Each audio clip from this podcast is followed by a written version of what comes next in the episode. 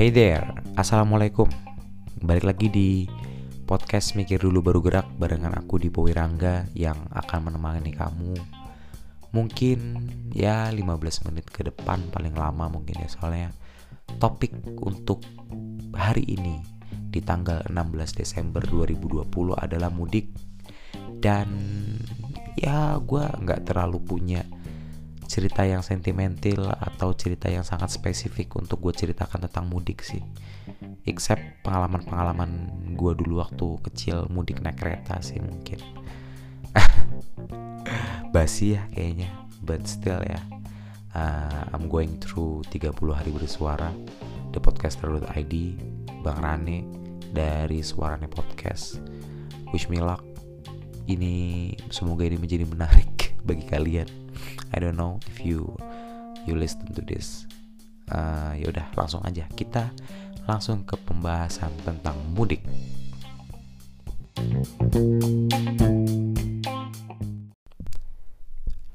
Ini sih kalau misalnya ngomongin mudik, menurut gue tuh apa ya?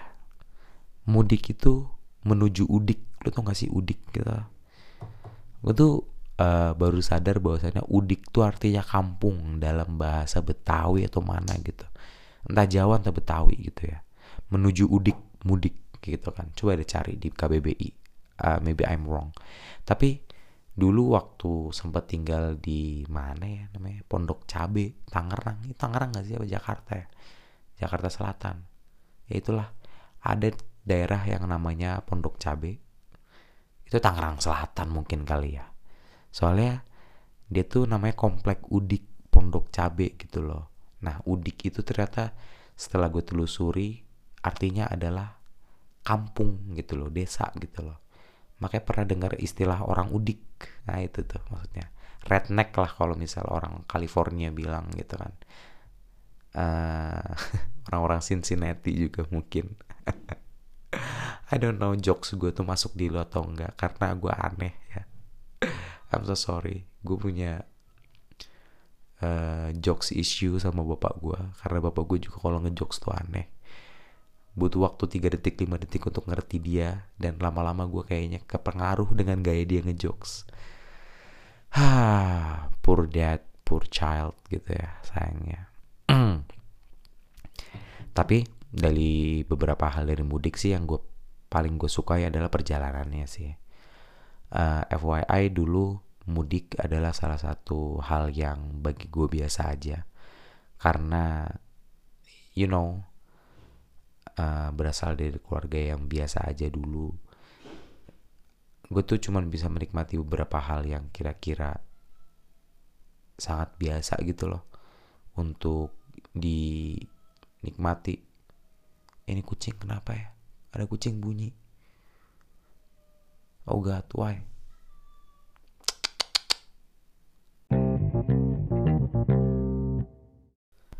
Aneh banget gila. Kucing gue tiba-tiba berada di atas kulkas, padahal uh, apa namanya?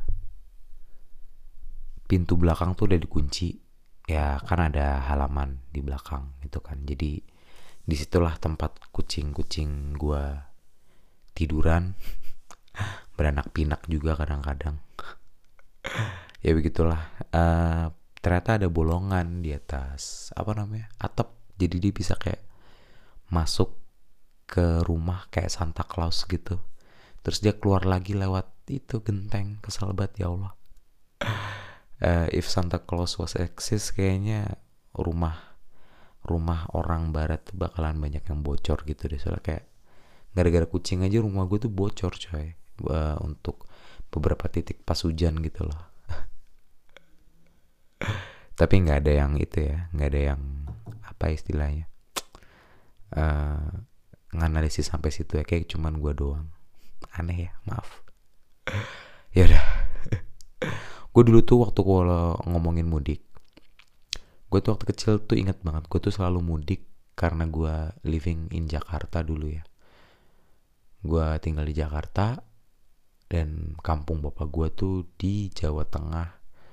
Pokoknya lu tuh bakalan naik kereta yang keretanya sekarang bahkan udah nggak ada nama keretanya tuh kayak, kayak kereta mata remaja mata remaja itu apa gitu ya singkatannya ya. Ada lah pokoknya singkatannya gitu kan. Tiketnya murah banget. Berapa ya istilahnya?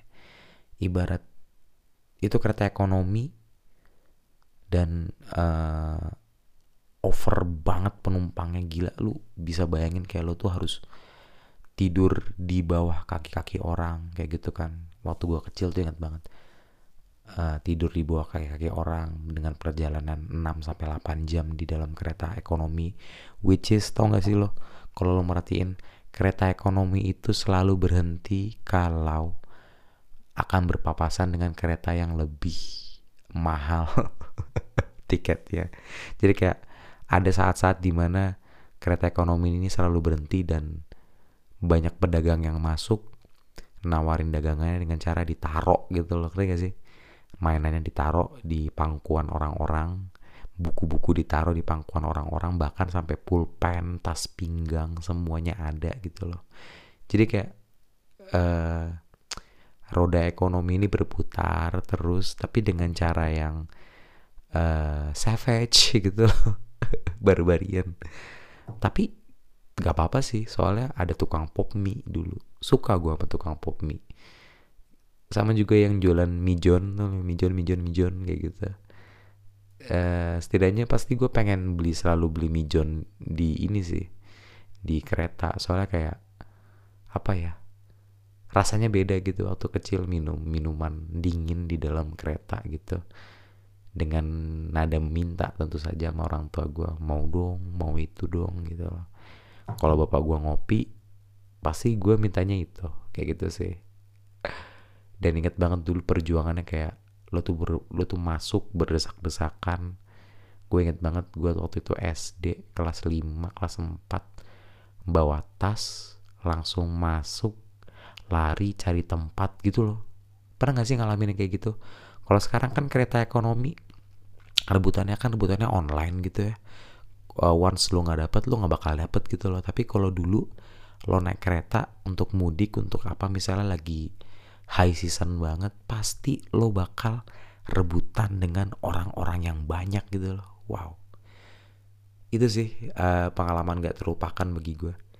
Harus tidur di emperan harus duduk harus duduk di atas koper di tengah sambungan rel eh sambungan gerbong gitu loh. Dan ngelihat mas-mas sendiri yang mudik ya kelas-kelas pekerja gitu sambil ngerokok ngobrol-ngobrol atau setidaknya main HP, SMS-an gitu loh. Itu bener sih, bener-bener kayak memorable banget bagi gue. Dan itu hilang sejak PT KAI jadi rapi gitu loh. Kadang-kadang gue kangen gitu naik dari stasiun Senen ya untuk menuju kampung halaman gue dengan berdesakan, dengan rebutan kursi, dengan lari-lari yang gitu-gitu. Ingat banget tuh om gua subuh-subuh selalu lari dari kampung gua karena gua waktu itu harus balik ke Jakarta gitu kan setelah dua minggu liburan mudik lebaran tentu saja. Dia tuh lari bawa tas bawa sesuatu yang lebar gitu untuk nandain bahwasannya ini dipesan untuk lima orang. Ngerti gak sih lo? Even tempat kursinya itu cuman buat empat orang sebenarnya. Dan karena memang adekku masuk kecil waktu itu ya ya gitulah dihitungnya jadi ya segini buat lima orang gitu loh. Uh, konsepnya dulu kalau kereta ekonomi uh, pas mudik lo angkat pantat hilang tempat gitu loh. Nah itu dia. Ah gila sih. Jadi kangen. Mudik sekarang ya basi ya. Belinya tiket online gak seru.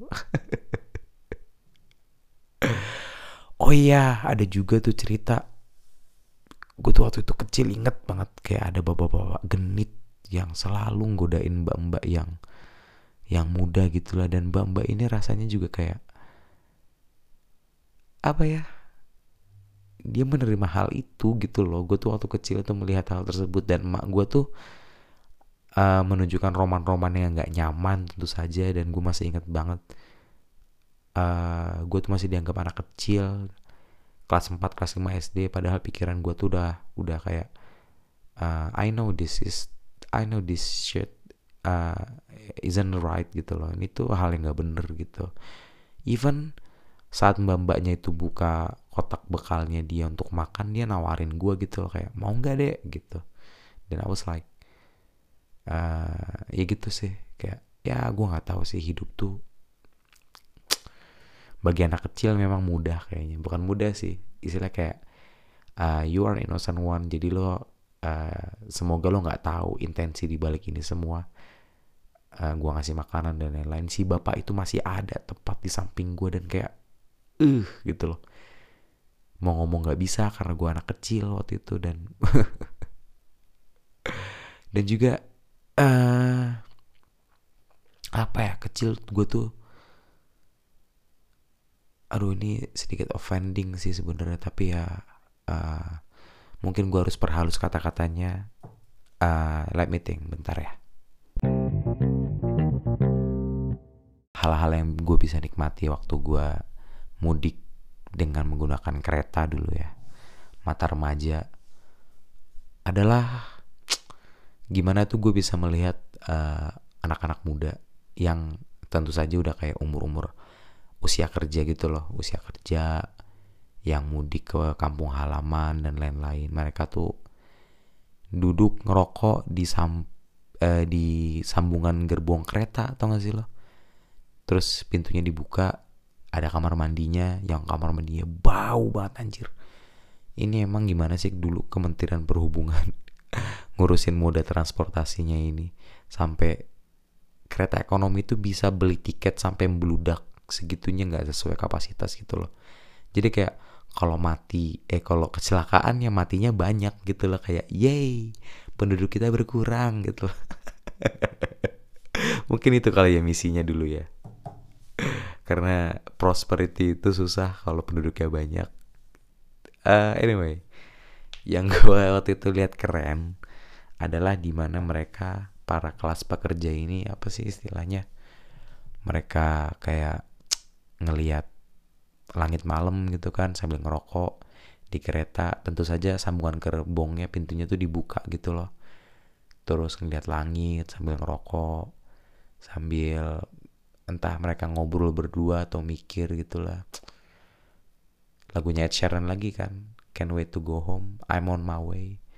Driving down this country lane. Singing to Tiny Dancer. And I miss the way you make me feel. And it's real. We watch the sunset on the castle on the hill. Nggak ada kastil sih di kampung saya. I'm so sorry. Tapi ya itu. Bisa ngeliat langit malam dalam dari dalam jendela. Dari dalam jendela juga bisa lihat langit siang, persawahan kalau ngelewatin tau gak lu kalau misalnya kereta lagi ngelewatin apa namanya jembatan bunyinya tuh langsung kayak pernah pernah ngerasain gitu gak sih? Gue ngeh loh itu. Dan gue bisa bisanya masukin ini ke dalam jurnal suara gue aneh banget kan? Ya itu. I have a jokes issue with my daddy. Maksudnya kayak cara bercanda gue tuh kayak terpengaruh sama bapak gue gitu loh. Bapak gue juga kalau bercanda tuh aneh. Jadi kayak iya. Bagi gue ini next level bercanda sih. Jadi kayak ya kalau lo nggak dapet berarti level lo tuh ah gitu.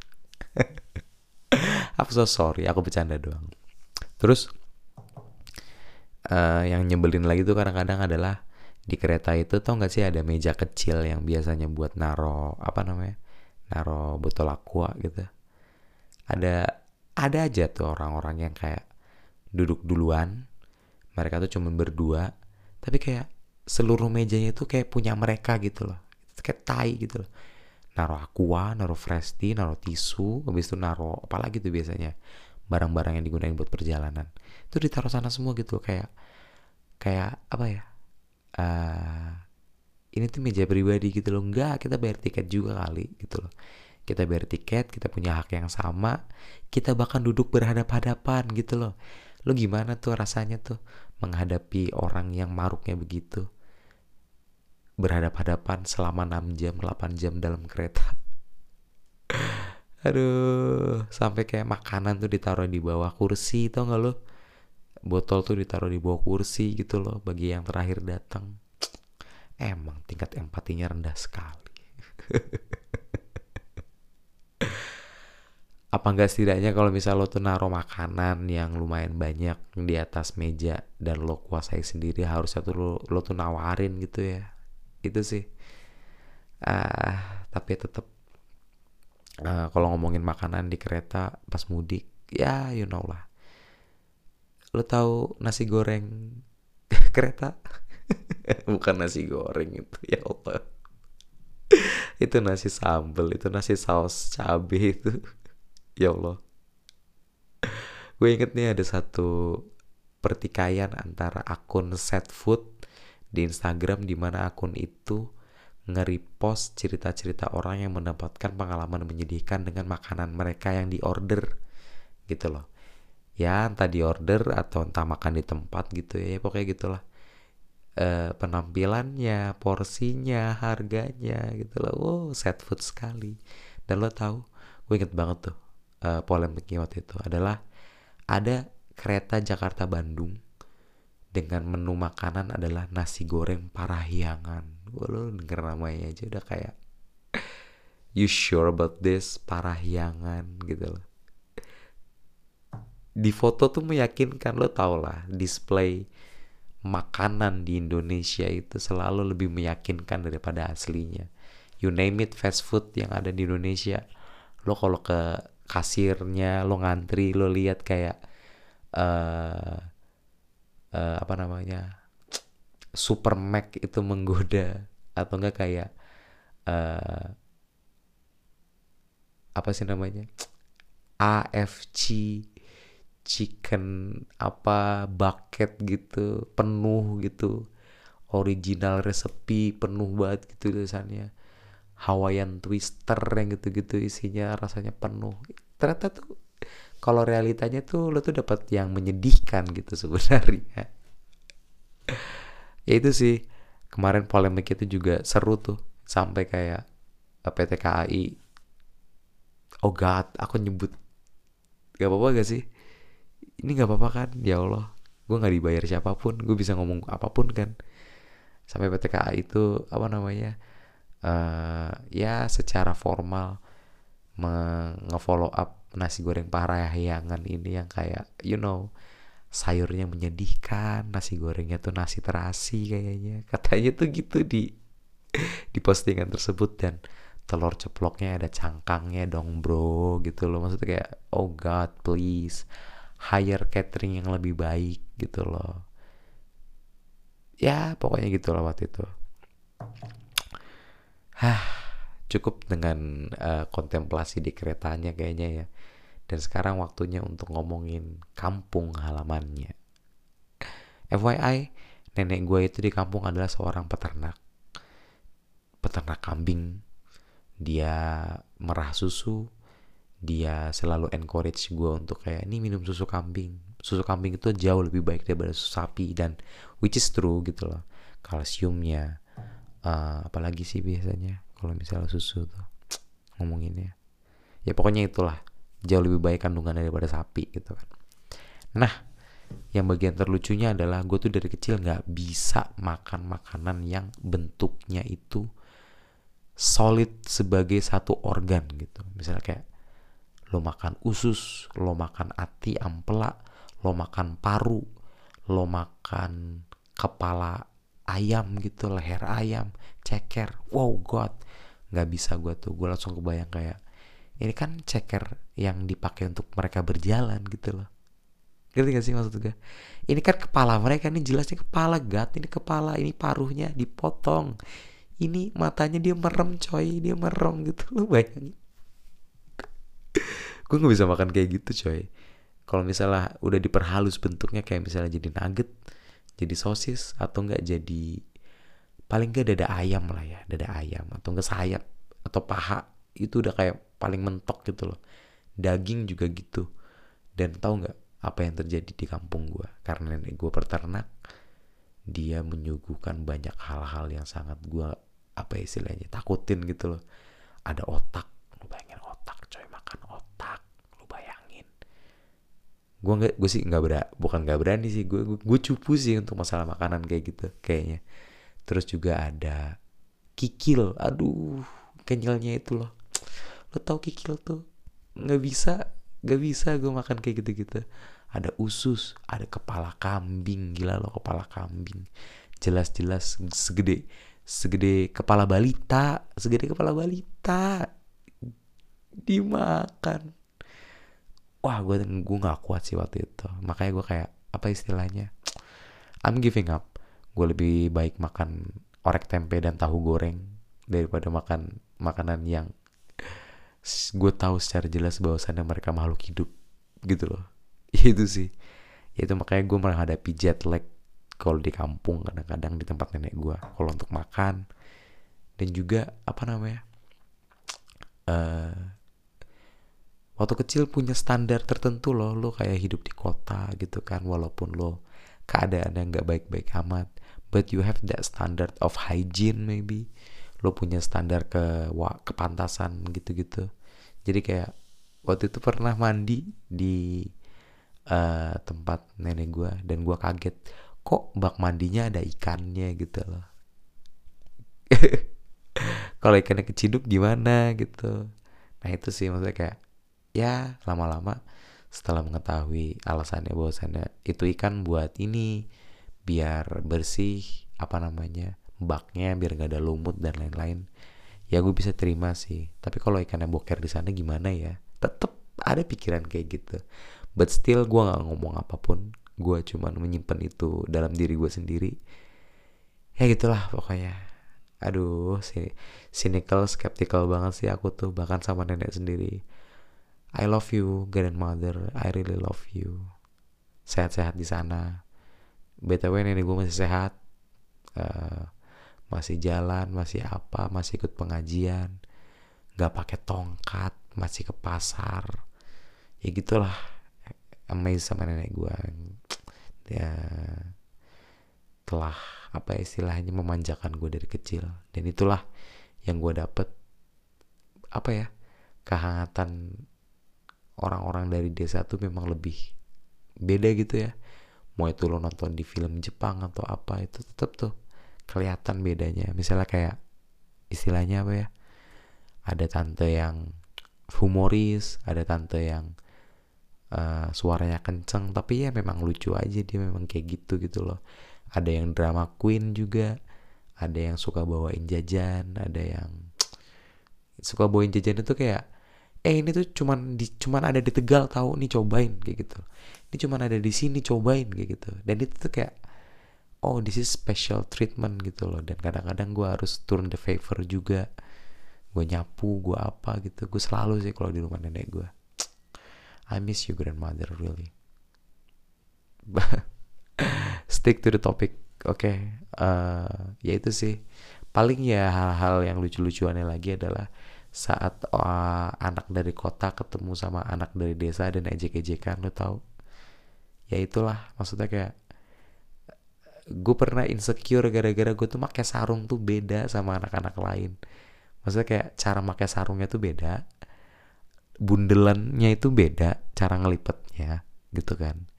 Jadinya gue tuh entah dibully entah apa sih kayaknya dulu tuh sama anak desa tuh kayak di ih beda sendiri ih beda sendiri gitu loh. Kayak apaan sih? Harusnya gue kalau sekarang gue bisa mikir gitu ya. Tapi the whole world gue waktu kecil tuh ya ya ya pengakuan dari yang sebaya dong tentu saja dong gitu loh. Dan itu membuat gue insecure coy waktu itu. Aneh banget. Tapi ya by time uh, get along juga pada akhirnya main sepeda bareng main apa bareng yang gitu-gitu tetap ya gue selalu melihat anak-anak yang tumbuh besar di alam di desa gitu ya. Jauh memiliki apa istilahnya kemampuan untuk manjat pohon tau gak sih lo manjat pohon. Itu kan kinetik banget ya. Terus lari dengan telanjang kaki dan gak apa-apa gitu loh. Itu itu ajaib gitu loh kalau menurut gue terus apa ya apalagi ya? Bisa kayak nemuin tanaman-tanaman yang bisa dimakan nyolong tebu gitu-gitu. Bisa gitu loh. Mereka kayak uh, istilahnya apa? Uh, nyolong tebu ngupas sendiri terus makan tebunya sendiri gitu. Bisa gitu ya hebat gitu ya. Makanya gue kadang sebagai anak kota uh, kalau misalnya gue dilepas di alam bebas kayaknya gue mati deh. Nggak ada warteg nggak ada apa gitu loh. Ya dan juga hal-hal yang menyenangkan lagi adalah tempat-tempat jajan waktu gue mudik tentu saja. Di kampung-kampung banyak yang jualan pakai sepedaan buka toko di rumahnya sendiri. Ya nggak toko sih istilahnya. Stall jajanan yang digoreng-goreng gitulah. Yang lemak transnya banyak tapi nikmat yang gitu-gitu. Itu sih. Good old days ya. Ya semoga untuk mereka yang selalu memberikan kebahagiaan-kebahagiaan kepada anak kecil uh, selalu diberikan kesehatan dan juga ya thank, thanks for the memories ya. Ini mungkin akan jadi memorial yang lumayan berkesan bagi gue mungkin di masa depan gak ada lagi jajanan yang gak sehat di Indonesia gue nggak tahu. Tapi ya udahlah. Pasti bakalan ada sih. Shout out untuk mamang-mamang dan emak-emak SD yang jualan di kantin jualan di depan sekolah. Mereka tuh berharga mereka itu bisa bikin lo tuh punya kenangan indah di masa kecil. Jadi jangan pernah lupakan mereka. Kalau lo udah gede lo jajan lagi depan SD beli yang banyak. Kalau lo misalnya beli 2000 kasih dia 5000 udah itu cukup.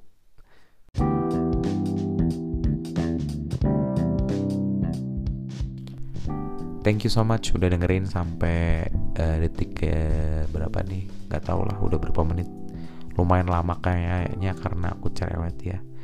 Thank you banget thepodcaster.id udah bikin list untuk diomongin seperti ini. I know susah juga kadang-kadang untuk menentukan mana yang seru mana yang enggak. Mungkin guanya aja nggak bisa ngolah kali ya.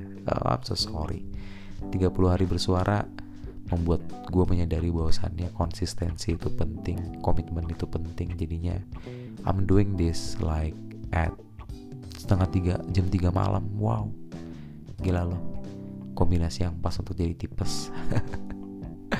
Ya udah uh, kalau misalnya ada pengen disampaikan langsung di IG aja po underscore alam atau di podcast.mdbg udah jam 3 sepertinya gue harus tidur. So see you uh, see you later ya untuk di episode berikutnya. And jangan lupa stay mikir karena gerak puluh mikir. Bye bye